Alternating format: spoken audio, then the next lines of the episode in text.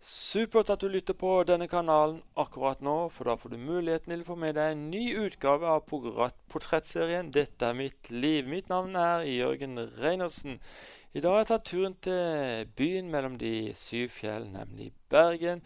Her bor det snart 300 000 innbyggere, og en av dem er dagens gjest, Bjarte Ystebø. Velkommen som gjest i Dette er mitt liv, Bjarte. Tusen takk. Du er en mann med mange jern i ilden, og dette skal vi selvsagt komme tilbake til. Men kan ikke du fortelle hvor du ble født og oppvokst? Født og oppvokst her i Bergen. Elsker denne byen. Eh, har bodd vekke innimellom, men, eh, men, vil ikke bo noe annet sted enn i Bergen. Hatt eh, gode barndomsår i Fyllingsdalen, som er en bydel vest eh, i byen. Jeg kaller det Bergens, byens beste vestkant. Og bor fortsatt i det huset som jeg har vokst opp i. Mm. Du vokste opp i et eh, kristent hjem? Ja da. Vi eh, eh, har alltid eh, vært en kristen familie. Mine foreldre kom fra kristne hjem.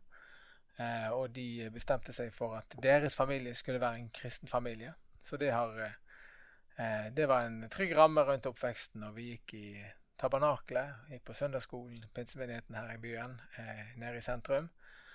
og det var det var eh, den beste oppveksten jeg kunne ha, og som jeg også gir videre til egne barn. Hvordan var ungdomstida di? Ungdomstiden var fantastisk. Eh, jeg eh, jeg syns Spesielt når jeg kom på videregående. Da opplevde jeg at jeg fikk Jeg gikk jo på Danielsen ungdomsskole. Før det gikk på en sånn internasjonal skole her i byen. Men når jeg kom på videregående, da opplevde jeg liksom at fikk et helt eh, Det var en hel verden som åpnet seg. Av eh, nye venner og nye bekjentskaper og større mobilitet. og Du kunne liksom være ute og treffe folk og skaffe nye venner i nye menigheter og sånn. Så, så, det var en fantastisk tid. Følte på mange måter at det, eh, ja, alt, alt, gikk bedre eh, enn det hadde gått før. Og det hadde ikke gått så ille før heller, men da, eh, det var en fantastisk fin tid for meg. Jeg var aktiv i menigheten og fikk oppgaver. og hadde med meg Bibelen og filofaksen, som det het den gangen, eh, når jeg skulle på møte. For det var liksom masse aktiviteter og masse å gjøre på. Og, ja, så det var en fin tid for meg. Du var aktiv i såkalt alle tjenester i menigheten. Du var søndagsskolelærer, lydtekniker, pianist, lovsangsleder og møteleder. Eh, er dette en eh, viktig bakgrunn eh, for deg da? Ja, Jeg tenker jo ikke så mye på det i det daglige, men det er jo sånn at vi er jo summen av våre erfaringer. Så det, det kommer jo til nytte. Så jeg vet jo litt om det meste av det som går på menighetsdrift, og hvordan man gjør det. Og det er nok nyttig. Jeg kan relatere til folk. Jeg jobber jo som journalist eh, og kan eh, og forstår eh, ja, hva det innebærer å være i forskjellige typer tjenester. Så gjør det at jeg kjenner min egen menighet veldig godt, og har vært der siden jeg var født. Så det tror jeg er veldig fornuftig. Og så går man jo litt eh, i faser. Det var jo litt annerledes før. Da var det jo, Hvis du begynte som lydtekniker når du var 15 år, så ble du lydtekniker til du ikke klarte det lenger. Eh, mens, eh, mens, vi eh, i min generasjon vi flytter oss litt og prøver litt forskjellige ting. Og så kommer man inn i en fase der man får barn, f.eks., og så er det annerledes. Så, eh, så man får liksom en, en brei erfaringsbakgrunn i menigheten. Eh, dette med kristen videregående skole, du nevnte Danielsen som du går på. Er det udelt positivt at uh, man samler alle kristne elever på én skole? Udelt positivt er det ikke, men jeg syns det er i hovedsak positivt. Det er klart det, det, er en faktor det at vi skulle ønske vi var spredt på alle skoler. Eh, og så er det jo også noe med at eh, når vi er sammen som kristne, enten det er i menighet eller på skole eller i foreninger, så er vi jo med og hjelper hverandre eh, og styrker hverandre. Og det er, det er ganske tøft å vokse opp i, i, det klimaet som er i dag. Så jeg har for lengst gjort meg opp den mening at kristne skoler, både barne- og ungdomsskoler og videregående skoler, er en fantastisk eh, eh, tjeneste. Og så blir vi jo eksponert for omverdenen på andre arenaer, enten det er på fotballaget eller i bygden eller på arbeidsplassen eller på andre arenaer. Så denne debatten om vi skulle, vært, eh, vi skulle heller vært ute på alle skolene, den har jeg på en måte gjort meg opp en veldig klar mening om. Eh, at eh, det er et, et stort aktivum for oss som kristne. Mm. Du har vært aktiv som du sa, i pinsemenigheten Tabernakle i mange år. Hva vil du si den største endringen i pinsebevegelsen på den tida du var aktiv, til, til, til hvordan situasjonen framstår i dag? Det er flere ting, men, men det som kanskje er det mest iøynefallende for meg, det er jo at man er blitt mer opptatt av det forutsigbare og mer opptatt av å være skolert. Det har vært en bevegelse i hele kristenheten som heter seeker sensitive. Det legger vekt på at de som ikke er vant med å være i menighet, de skal kunne komme til menigheten uten å oppleve noe som de syns er, er, stressende eller uforutsigbart eller overraskende. Eh, og, og, selv om det ikke er alle som vil uten videre si at de tilhører seeker sensitive-bevegelsen, så er det impulser som har fått veldig mye å si for pinsebevegelsen i Norge. Så mens vi, eh, sånn som jeg vokste opp på 80-tallet, eh, hadde mer rom for sånn spontanitet, vitnesbyrd, dele eh, eh, be høyt, tungetale. De tingene som er uforutsigbare. Og, og, som for meg, da jeg var liten, ikke opplevdes skremmende i det hele tatt, men faktisk noe av det som var spennende og interessant med å være på møte. Altså jeg hadde helt motsatt av den effekten som man snakker om i dag. Eh, det er jo, er jo eh, ikke så mye av nå eh, i pinsebevegelsen. Det tror jeg er gjort med god hensikt, og, og noen ganger med godt resultat. Og så tror jeg også noe har gått tapt på veien. Eh, så eh, det er vel noe av det som er mest eh, annerledes. Og så er det klart vekkelsesmøter, f.eks. Det hadde jo i, i gamle dager i, møten, i, Tabernaklet. Du hadde en stille og rolig søndag formiddagsgudstjeneste der vi sang fra evangelietoner, som det het eh, den gangen. Eh, og eh, der eh, Ja, der det var relativt eh, kjedelig da, sett med barneøyne, til eh, vekkelsesmøte søndag kveld. Der, var, der, alt kunne skje, og der det kunne trekke ut i langdrag og så mye at jeg ikke fikk se Sportsrevyen da jeg kom hjem. Det var jo noe av det verste for meg. Men, men, likevel, det var spennende å være på møter. Eh, så det er jo noe av det som er annerledes nå. Trengs vekkelsesmøter i, i den tida? Ja, jeg, eh, jeg syns jo det. Eh, og, og, men det er viktig å ikke bli nostalgisk, for det er ikke sånn at alt var bedre før. Eh, så det er mer det at det disse tingene her går jo litt sånn i sykluser. der Man vektlegger noe i én generasjon, og så kommer man i neste generasjon, og så vektlegger man noe helt annet. Og så blir det fort at man går litt i grøften i begge tilfeller. Så jeg tror kanskje vi har tapt noe med at vi ikke har vekkelsesmøter der, der folk blir stilt på valg på samme måte. Nå gjøres jo det, for all del. Jeg prøver ikke å forenkle dette. Men, men der, liksom, der man, eh, man ønsker å skape en en, eh, en type evangelistatmosfære der folk blir eh, får presentert evangeliet, blir satt på valg, og der er rom for, eh, for å skape en sånn atmosfære som, som, jeg, som vi fra tid til annen opplever fortsatt, men som jeg mener det var mer av tidligere, og som jeg tror godt vi kunne fått mer av i dag. Fotball har vært en viktig del av livet ditt. Hvordan oppstod den interessen?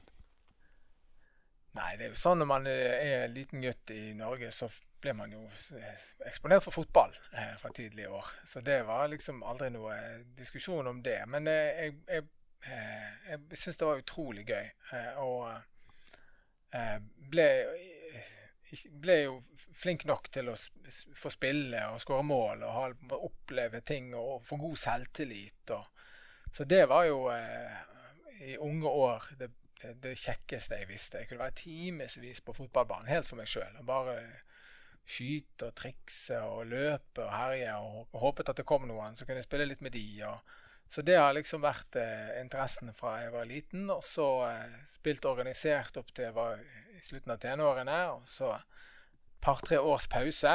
Eh, giftet meg og fikk barn og sånn. Og, og det skulle jeg jeg skulle aldri hoppet av fotballen. for å si Det sånn. Det jo, er jo faktisk ganske viktige år i fotball det når man er i slutten av tenårene og kan begynne å ta steg opp på seniornivå. Men i hvert fall begynte opp igjen da i voksen alder og spiller fotball eh, hver uke flere ganger eh, fortsatt en dag i dag. Og ser mye fotball. og sånn. Så det er en stor sånn eh, hobby og interesse. Men det var ikke noe en tenkte ikke at det skulle kunne bli en karrierevei for deg, altså? Eh, nei, jeg, jeg, tenkte vel ikke altså Karriere er jo kanskje noe man legger mer vekt på nå. Selvfølgelig ville bli best mulig og, og sånn, men jeg tror nokså tidlig at jeg skjønte at jeg ikke kunne eh, bli brannspiller. Eh, selv om jeg var innom i ungdomsavdelingen der også. Eh, men jeg trivdes ikke fordi at det var så konkurransepreget. Jeg dro straks tilbake til kameratene mine i Fyllingen, mm. der vi hadde det gøy. Og der han som var ved siden av deg, prøvde å gjøre deg bedre og, og, og sånn. Mens i Brann, der var det liksom, der var du konkurrenter med de du var på lag med. Det syns ikke jeg var noe kjekt. Så Nei da, det har aldri lagt vekt på det som en sånn karrieremulighet. Men man drømte jo selvfølgelig om å spille på de store arenaene og sånt. Men eh, jeg tror jeg var rasjonell nok allerede i unge år til å skjønne at det, det er omtrent som å vinne i Lotto, det å, å bli profesjonell fotballspiller. Det nåløyet er trangt. Mm. Du møtte Linda, kvinnen i ditt liv, ganske så tidlig. Du må fortelle om aller første møte. Ja, da er vi tilbake igjen på Danielsen ungdomsskole. Eh, nok et argument for eh, kristne skoler. Der kan eh, man møte hverandre i eh, veldig definerende år i livet og møte en livsledsager. Eh, og selvfølgelig også i menigheten. Men i alle fall, det gjorde jeg, og vi møttes i første klasse på videregående. Eh, og ble veldig gode venner i første omgang og sang sammen i lovsangsteam og hadde mange felles interesser. Og var sammen i friminuttene og i, sammen med en større vennegjeng.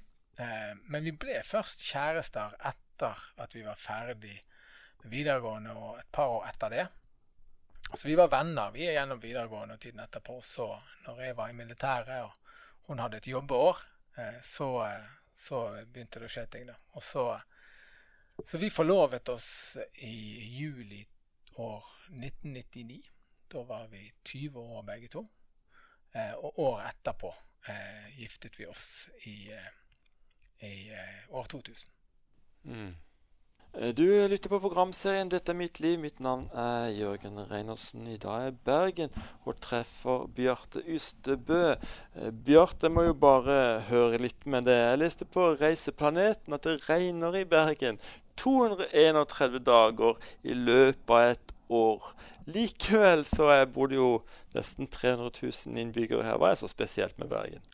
Altså Grunnen til at det regner så mye, er jo fordi at Herren elsker denne byen sånn at han vasker den hele tiden. Du vet hvordan det er hvis du har en fin bil. sant? Da må du passe på å holde den rein. Så det er nok forklaringen på det med regnet. Og så er det jo eh, Nei, Bergen er en fantastisk by. En fantastisk folkeferd. Eh, folk er åpne. Eh, byen er på en måte kompakt og spennende, og det er masse historie. Pluss at det, alt det som gjør at det er attraktivt å flytte til en by, f.eks. Fjellene og turmulighetene, og at det er en, en, stor by med masse arbeidsplasser og en stor flyplass. Og, så eh, nei, denne byen er fantastisk. Eh, jeg har som sagt vært eh, rundt omkring i verden, men det er ikke noe annet sted jeg heller ville bo eh, enn i Bergen by. Det var en veldig god anbefaling, syns jeg. eh, vi skal snakke litt om at når du eh, var ganske ung, så, så var det ikke bare populært å være en kristen. Nei, jeg eh, var jo aleine som kristen i min klasse på barneskolen. Eh, og egentlig, så vidt jeg visste, eh, og egentlig så vidt jeg vet fram til i dag, så var jeg den eneste kristne på flere klassetrinn på Varden skole i Bergen. Og det fikk jeg jo unngjelde for, for det var jo ikke populært. Og på en måte ble jo du har vokst opp de første fem-seks årene med en veldig sånn tydelig kristen eh, familie, og det er aldri stilt spørsmål ved troen eller de tingene der. Så jeg var jo stolt av det, og stolt av at vi gikk i menighet. Det var en del av min identitet fra jeg var et lite barn. Og det var det ikke mange, eller mange som ikke likte. da, Så jeg ble jo litt ertet og mobbet litt for det. Eh, så, så det, var, det førte jo til en del ubehagelige episoder. Eh, og så er det jo sånn at de tingene som er vondt i livet, de eh, syns man jo skulle, man skulle vært foruten. Men i ettertid så ser jeg jo at det har vært med å ruste meg for å stå aleine, også i andre sammenhenger. Så når du har stått aleine i skolegården, så er du eh, faktisk unikt eh, eh, kvalifisert for å stå aleine i andre ting også. Eh, enten det skulle være i media eller i forsamlinger eller hva det skulle være. Så eh, sånn i ettertid så var jo det en måte hvor man ble eh, både stilt på valg og måtte ta eh, Ja, finne ut hva man var lagd av og sånt. Eh, og så var det også eh, noe som kvalifiserer deg for, eh, for, andre utfordringer i livet. Så det er jo noe i dette uttrykket 'What doesn't kill you makes you stronger'. det er Så, men, det, men, det, er klart det var tøft, og det var et par stykker som jeg rett og slett var redd for. At de skulle banke meg. Eh, og ja, når man ser unger slåss i dag som voksen, så tenker man at det er ikke så alvorlig. Men det er faktisk forferdelig skummelt for de det gjelder, og kan være noe som sitter i hele livet. Eh, det gjør det nok ikke for meg. Jeg har kommet veldig godt ifra det. Og så hadde jeg fotballen, da, som var på en måte en sånn eh, selvtillitsbygger. og er litt vanskelig å mobbe den som skårer mål, og den som får det til på fotballen. Så det, det tror jeg kanskje kompenserte da, for litt av, eh, av, det som jeg opplevde. Var stort sett eldre unger eh, som, som, plaget meg. Så, men, eh, men det, det, var nok en nyttig erfaring, det, som så veldig mye annet. Mm. Mm. Du er jo i dag assisterende redaktør i avisen Norge i dag. Men det er en god del år siden du starta her? Ja, avisen ble jo til sommeren 99.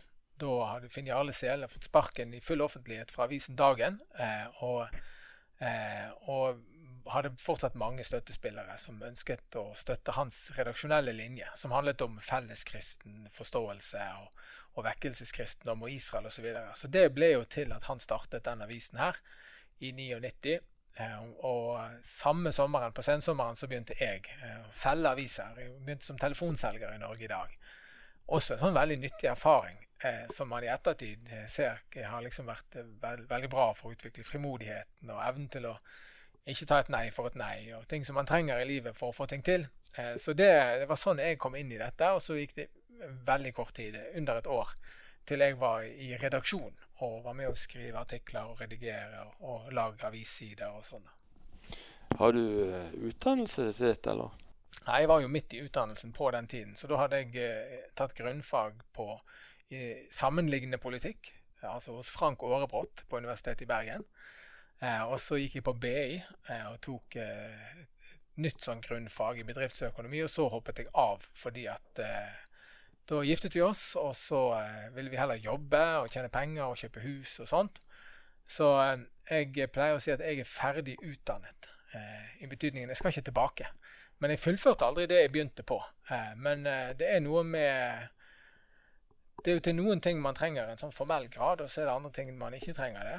Eh, så sa jo Mark Twain, kanskje verdens største journalist noensinne, at jeg har aldri latt skolegang gripe forstyrrende inn i min utdannelse. Eh, for det, det, er så mange andre ting som kan være med å utdanne en til eh, livet og tjenesten og arbeidet. Så, så jeg, eh, jeg, forlot Handelshøyskolen BI for aldri mer å vende tilbake. Her på huset så møtte jeg mange folk når jeg kom inn døra. Hvordan vil du betegne vanlig arbeidsdag her? Nei, Vi har jo en sånn ukeavissyklus videre, så vi har jo eh, spesielt eh, på mandager så koker det på kontoret, for da skal vi ha papirutgaven vår i trykk. Ellers så eh, eh har vi en sånn fin miks. Noen er på hjemmekontor litt, noen er på reise, og noen er på kontoret. Så vi har en veldig sånn levende, dynamisk gjeng her. Her er det mye godt humør.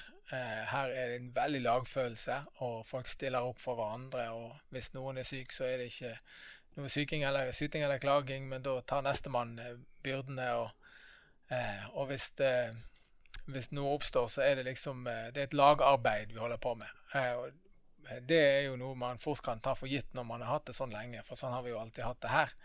Men jeg vet jo det at det er jo ikke sånn på alle arbeidsplasser. Så her er det god stemning, god lag og ånd, og en veldig liten og dedikert stab, egentlig målt mot alt det som faktisk utrettes her på huset. Eh, papirutgaven er jo en stor produksjon, men vi gjør veldig mye annet i tillegg. Eh, på TV og arrangementer osv. Så, videre. så Så det er en fantastisk gjeng å jobbe sammen med. Ja, jeg er jo bl.a. i Bergen og forsker del, delta på noe som heter Live fra Bergen. Eh, hvordan oppstår det programkonseptet? Nei, Den korte historien er at vi ble spurt eh, på Visjon Norge eh, om eh, vi ville lage et eh, program, om jeg ville lage et program. Eh, og så er det jo lengre historie der vi har vært involvert med TV siden 2003. og Vi har laget litt nyheter, og vi har laget et eh, program som heter Forum i dag. og vi har deltatt i produksjoner av stevner og arrangementer og event. og sånn, Så vi har på en måte vært borti dette her. Men akkurat dette konkrete programmet det kom som en invitasjon fra eh, Visjon Norge. Eh, og så tenkte jeg at, at, jeg må ha med meg en, en, stødig partner som kan være med og være programleder, eh, og som kan, kan, være en likeverdig programleder, som kan bære dette på samme måte som meg. Eh, og, og, da kom tanken om å spørre Linn Myhr, som egentlig var en, en bekjent fra langt tilbake. Eh, så viste det seg at, at Gud hadde talt til henne om ting, og at det var en en god eh, timing, en Guds timing.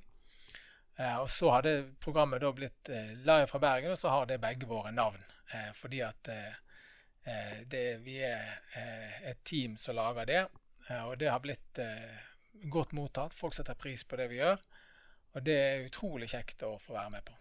Mm. Hva er tanken bak dette konseptet? Nei, det er jo Først og fremst ønsket vi å lage et program som vi ville sett på sjøl. Noe av det som eh, går på kristen TV, det er eh, langsomt. Eh, og noe av det som går på mer moderne nett- og TV-plattformer, det er veldig raskt. Vi har laget noe som er midt imellom. Som er raskt nok til at ikke det ikke skal bli kjedelig, og langsomt nok til at du kan få utbytte av det. Så det er en del av konseptet. Og så er det jo, er jo sånn at programmet er en, en slags TV-versjon av Norge i dag der det inneholder nyheter, kommentarer. Det inneholder Guds ord, eh, og det inneholder historier eh, fra mennesker. Eh, så, så, det har vært konseptet som vi har eh, fått jobbe fram, og som har blitt godt mottatt, og som vi stadig tenker vi må utvikle og gjøre bedre. Nå er det jo sånn at det, eh, det stadig kommer nye plattformer å, å kunne være på. da. Har dere tanker om noe annet framover?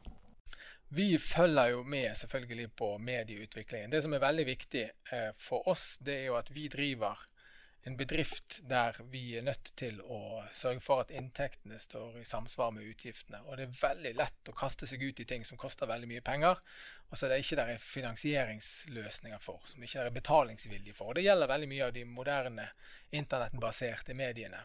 Eh, så kommer det mer og mer betalingsvilje for redaksjonelt innhold på, på nett og vi er med på det. Men vår satsing foreløpig eh, er på eh, papir, på, på, avis, og at vi er på TV fordi at det er det sterkeste mediet fortsatt. Der eh, når vi folk på en mest inntrykksfull måte. Og at det også er med å rekruttere abonnenter til papirutgaven. Så det har vært vårt hovedfokus. Og så vet vi at den dagen kommer der vi skal legge om noe. Men eh, men selskapet vårt går bra. Eh, støttepartnerne gjør at vi holder oss oppe, og at vi har gode år fortsatt. Så på mange måter så er jo Norge i dag en kommersiell suksess. Og så er det også en sånn giversuksess der folk slutter opp om det vi gjør. Og da handler det ikke bare om papir og gammeldags avis, men det handler om at vi lager TV-program Eh, og at vi er ute og kjemper den gode strid i media og rundt omkring og representerer kristenfolket, det vet vi at de setter pris på. Og det er på en måte det som er fremtiden for Norge i dag, litt uavhengig av plattform. Det er å kjempe troens gode strid. Eh, og være ambassadører for kristenfolket eh, når det kreves, der det kreves. Og da vil det med akkurat hvilke plattformer vi er på, det vil kunne variere gjennom en generasjon eller to. Det har jo også en uh, nettutgave. Vet dere uh, hvor mange som, som, leser der? Eller? Ja, det dreier seg om eh, noen tusen per dag som er innom siden. så det er jo fantastisk, selvfølgelig. og det går an å abonnere på nettavisen, og da får man også tilgang til papiravisen. Og stadig flere gjør det. Sånn at vi, vi opplever jo en langsom vekst også på nettet. og så er det liksom å få, få inntektene til å bli høye nok til at det en gang i fremtiden kanskje skal være det eneste eh, avisproduktet vårt. At det rett og slett eh, papir fases ut. Men vi tror at eh, våre lesere kommer til å henge med ganske lenge. Så vi skal få holde på med dette her eh, med dagens forretningsmodell i mange år ennå. Veldig bra. Eh, du er vel også mannen bak eh, Oslo Symposium? Ja, det er riktig. Vi fikk den ideen på 2000-tallet etter å ha vært i USA og sett hvor flinke amerikanske kristne var til å sette dagsorden. De har eh, arrangementer av det slaget i Washington DC, der eh, de eh, kaller inn politikere og legger frem det de har på hjertet. Og så får politikerne tale til de, og så kommer alle journalistene for å finne ut hva som rører seg. Og det var, det var, modellen som vi ville kopiere, og det har vi lyktes med. sånn at det, det har jo vært med å snu på mange måter opp ned på samtalen om kristendom og politikk i Norge. Der det en gang handlet om noen eksotiske reportasjer fra bedehuset eh, og, og, og, KrF, til at nå har kristenfolket på en måte en nokså tydelig og sterk og selvstendig plattform gjennom Oslo Symposium. Eh, og så er det også debatt blant kristne om det vi står på. Det syns vi er bare flott. Men, men, det har liksom tilført debatten om, eh, om eh, kristen politikk og om Israel og ting som vi er opptatt av, eh, en helt ny dimensjon. Så det er vi veldig stolte av. Hvorfor Oslo, ikke Bergen? Nei, Det er også litt sånn etter kopi fra amerikanerne. Da. Det er i hovedstaden politikken utformes. Eh, og Det er der parlamentet i Norge ligger, og det er der politikerne befinner seg. og Vi vil jo at de skal komme til oss, og da er det lettere å gjøre det i Oslo. Der er journalistene og mediehusene. Så det var liksom aldri noe tvil om det. Og det uttrykket Oslo Symposium, det, det tror jeg også var noe som fikk fra Herren om at vi skulle kalle det for det. For det, hvis vi hadde kalt det for kristent verdikonservativt eh, arrangement, så hadde det vært litt lettere for folk å avskrive det. Men vi eh, fikk et annet navn, og det har gjort at eh, det har det tok lang tid før på en måte man klarte å plassere oss helt. Og så har vi av og til gjør vi ting som er uventet og annerledes, og inviterer folk fra den andre siden. Vi har hatt folk fra SV og Rødt og, og Senterpartiet til å tale. Så, så det, det, fant vi ut var en god måte å gi, gi det en, et merkevare på, og så må vi være i Oslo. Det er ikke tvil om. Du har jo vært assisterende redaktør i, i avisen Norge i dag i en årrekke. Eh, hva vil du betegne som mest krevende? Nei, det er jo å, å sette dagsorden i samfunnet. Altså, eh, hvis du ser på samfunnet vårt i dag, så roper det etter de verdiene som landet er bygget på. Både når du ser på statistikkene på hvordan det går med, med psykisk sykdom, med familieoppløsning, med, med eh, ja, det som, og det som verre er, så er det så opplagt for oss som ser dette gjennom kristne eh, perspektiver, at vi trenger å vende tilbake til, eh, til kristendommen i landet vårt. Eh, og det er jo, Man er jo på en måte fortvilet over at ikke folk ser det og etterspør det sjøl. Og så har vi også en åndelig forklaring. Eh, at det står i Bibelen at denne verdens Gud er forblindet i vantros øyne. Sånn at det som er opplagt for meg og deg eh, om hva som er det rette og det gode og det sanne, det blir eh, helt motsatt for de andre. Eh, og Det står også om det i Bibelen at det, det, som blir godt, blir kalt ondt, og det som er ondt, blir kalt godt. Så det å på en måte komme ut i en større offentlighet med de gode nyhetene, det er en utfordring. Men det er også det vi eh, jobber utrettelig for. Så vi har jo på en måte påtatt oss den vanskeligste av alle oppgaver. Det enkleste hadde jo kanskje vært å mure oss inne eh, blant eh, eh likesinnede og, og, sånn, og ikke bry oss så mye om, om, om denne skuten som heter Norge, går til grunne. Men det er liksom det som er kallet vårt, å være ute med de gode nyhetene. Så det er et stort privilegium og en stor utfordring. Mm.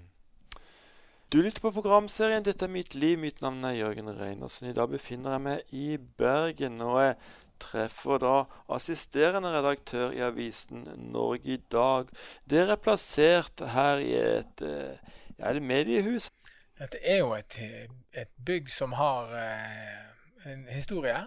Dette er jo eh, Kredo-kirken, eller det som i sin tid het Levende Ord, eh, som ble kjøpt eh, av eh, Enevald Flåten og hans eh, medsammensvorne tidlig på 90-tallet. Egentlig et gammelt industribygg i en sånn liten industrikorridor på Kråkenes på Bønes utenfor Bergen sentrum. Og og her har jo det utspunnet seg mye eh, som har eh, vært fantastisk, og noe som har også skapt negative overskrifter. Og så hadde jo de et, eh, et lite traume her i 2006-2007. Eh, og vi har på en måte fulgt med på menigheten her liksom fra utsiden. Og, og så eh, har jo vi vært i Forum kino eh, i Bergen fra det omtrent på samme tiden. og så, når vi hadde vært der i ca. ti år, så eh, solgte vi jo det bygget til Salt Bergenskirken, som driver eh, fantastisk tjeneste der. Og så trengte vi å leie oss noen kontorer. Og da havnet vi her hos våre venner i Kredokirken. Så her er det flere kristne arbeid som er samlet. Og det er fantastisk for oss å få være med i et sånt kollegium. Eh, og så er det jo eh, smart plassert. Og egentlig også fordi at eh, de fleste av de som jobber her, de kommer fra vest, vestsiden av byen, så de kommer veldig lett til det. Så er det nærme flyplassen og, ja, og blant gode venner og kollegaer her oppe. Du er interessert og også veldig engasjert i politikk? Ja, mitt engasjement i politikken, i partipolitikken, det ble nokså kortlevet. Men, men, det begynte jo Jeg har alltid vært samfunnsengasjert sånn, og husker eh, samfunnsfagstimene på skolen som det mest interessante, og ekskursjonen til Oslo med besøk i Stortinget og partikontorene og i departementet og sånn. Så det på en måte det jeg alltid vært kjempeinteressert i. Eh, og så begynte mitt partipolitiske engasjement med at eh, eh Anita Appeltun Sele Eh, som var da ektefellen til Finn Jarle Sele, som var min sjef og er det fortsatt, hun eh, ble forsøkt vraket fra Stortinget. Eh, hun hadde sittet der i tolv år for Kristelig Folkeparti. Og det, det, engasjerte meg veldig, for jeg så at det var ideologiske konfliktlinjer. Eh, ellers hadde jeg ikke vært så opptatt av det. Men det gjorde så mye at jeg meldte meg inn og begynte å, å aksjonere litt for henne. Og andre konservative kandidater. Eh, og så eh, så jeg ble lokallagsleder og var med i, i, i debattene rundt partiets fremtid. Og så er jeg jo ikke noe sånn organisasjonsmenneske, egentlig. Så jeg synes jo ikke det, det er noen som sier sånn i gåseøyne de syns det er gøy å drive med politikk. Eh, det syns ikke jeg egentlig. Jeg syns ikke det er gøy å gå på årsmøter og, og spise rundstykker og tebrød og på en måte ah, den organisasjonsdelen. Da, det er det andre som syns er kjekkere enn meg. Så jeg er litt mer utålmodig og sånn. Så eh, etter en stund så hoppet jeg av det å være partipolitisk aktiv, og så på muligheten for å påvirke gjennom medier, som jeg gjør, som har vært jobben min hele tiden, men også gjennom Oslo Symposium. Så, eh, og det, det som har vært en mye mer effektiv plattform for meg. altså Veien opp i politikken den går gjennom en del sånne mekanismer som jeg ikke behersker. Eh, og det er det der å på en måte holde seg inne med folk og og snakke med de rette og si de rette tingene og skryte av folk, eh, selv om du kanskje ikke mener det, for du vet at da vil de gjøre deg en tjeneste lenger nede. Sånn. Det, det, det, er ikke jeg flink til. Så det, det, var ikke noe arena for meg, sånn sett. Mens, eh, mens, jeg har funnet en annen måte for utløp for engasjementet på, og det er jeg glad for. Mm. Du har en sønn også som er engasjert i politikk? Ja, eh, min sønn Joel eh, jeg har vært med på eh, for så vidt eh, helt tilbake til den tiden jeg sjøl var partipolitisk aktiv. Så han var jo med på alle disse her tingene og fikk treffe partiledere og var med på TV-sendinger og debatter og forskjellig. Eh, både gjennom at jeg var aktiv, men også som journalist og forskjellig.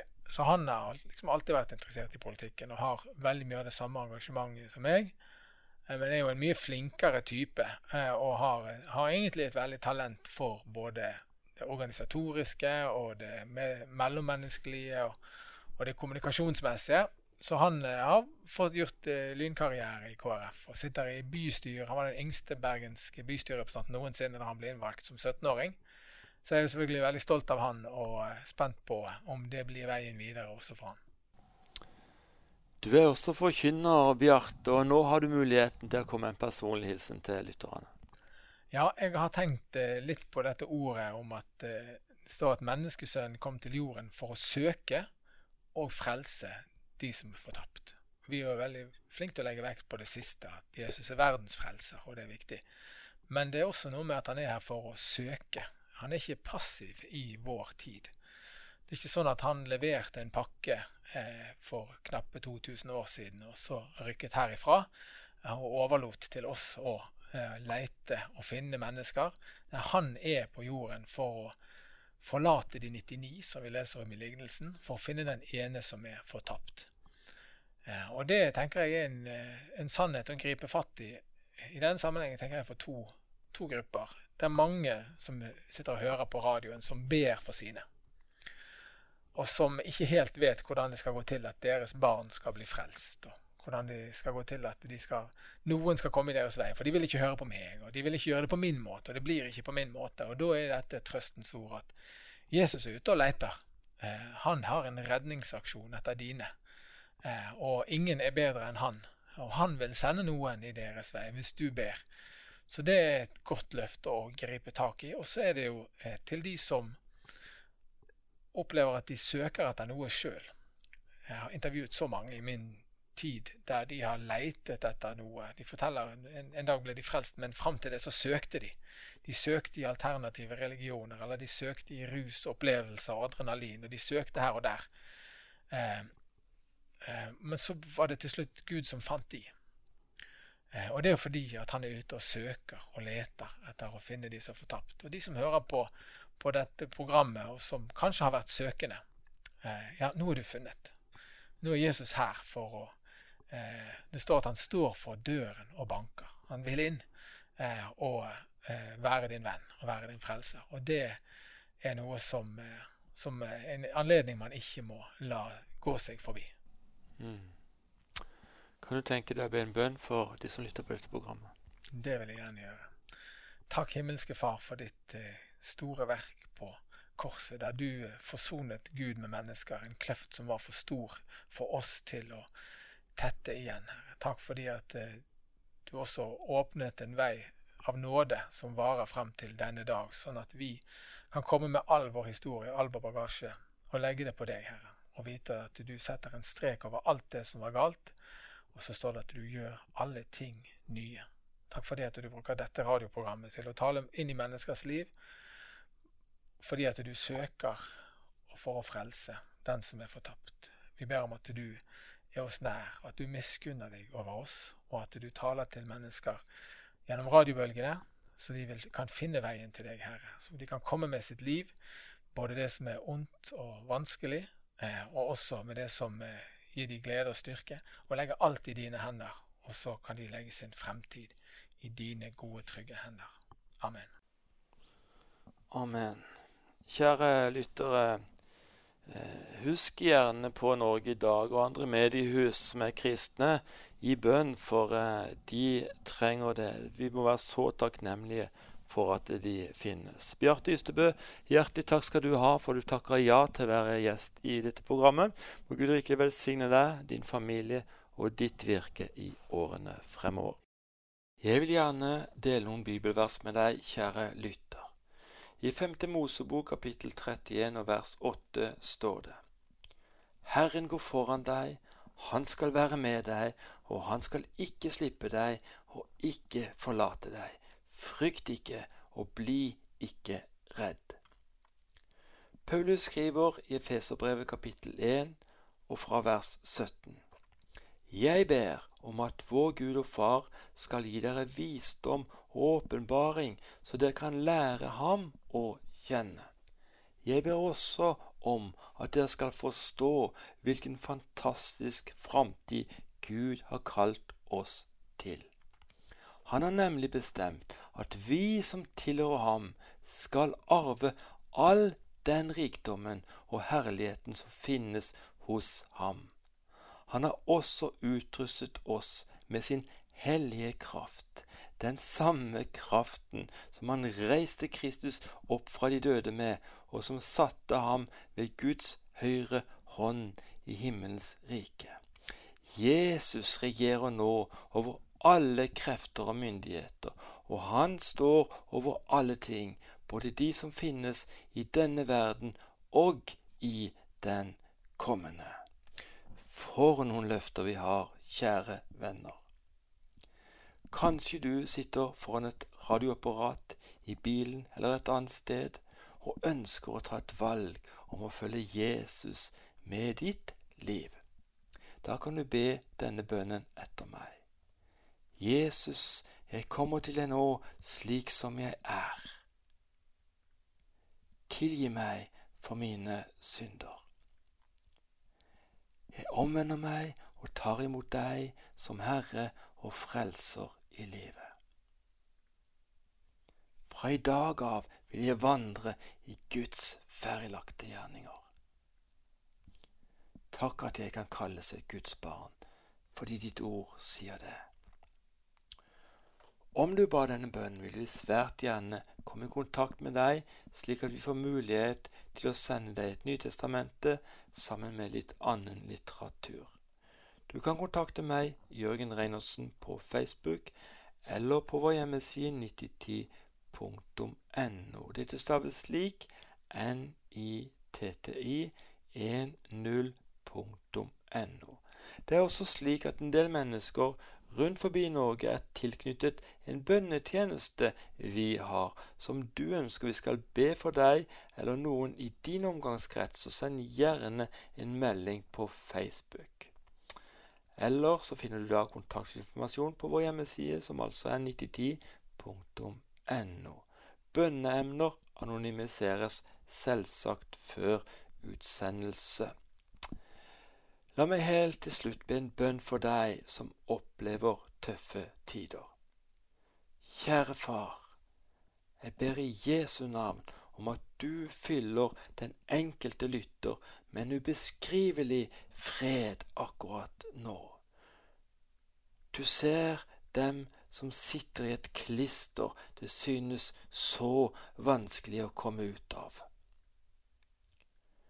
Du ser også dem som er syke, fysisk eller psykisk. Du ser dem som har kreft eller andre alvorlige sykdommer. Du ser dem som har smerter eller betennelsestilstander i kroppen. Du ser også dem som er helt utmattet og trenger en berøring av deg nå, Herre. Kjære Gud, i Jesu Kristi navn ber vi om legedom for alle slags sykdommer og plager. I Jesu Kristi navn ber vi om frihet. Takk, Jesus, at du er legenes lege. Takk at du bryter lenker og bånd. Akkurat nå, Herre. Takk at du bryr deg om den enkelte. All ære og all pris til deg, Gud, i Jesu Kristi navn. Amen. Vi håper vi høres igjen neste uke. Da er vi tilbake på denne kanalen med en ny utgave av denne programserien som heter Dette er mitt liv. Vi takker så mye for i dag og ønsker deg, kjære lytter, det beste av alt Guds velsignelse.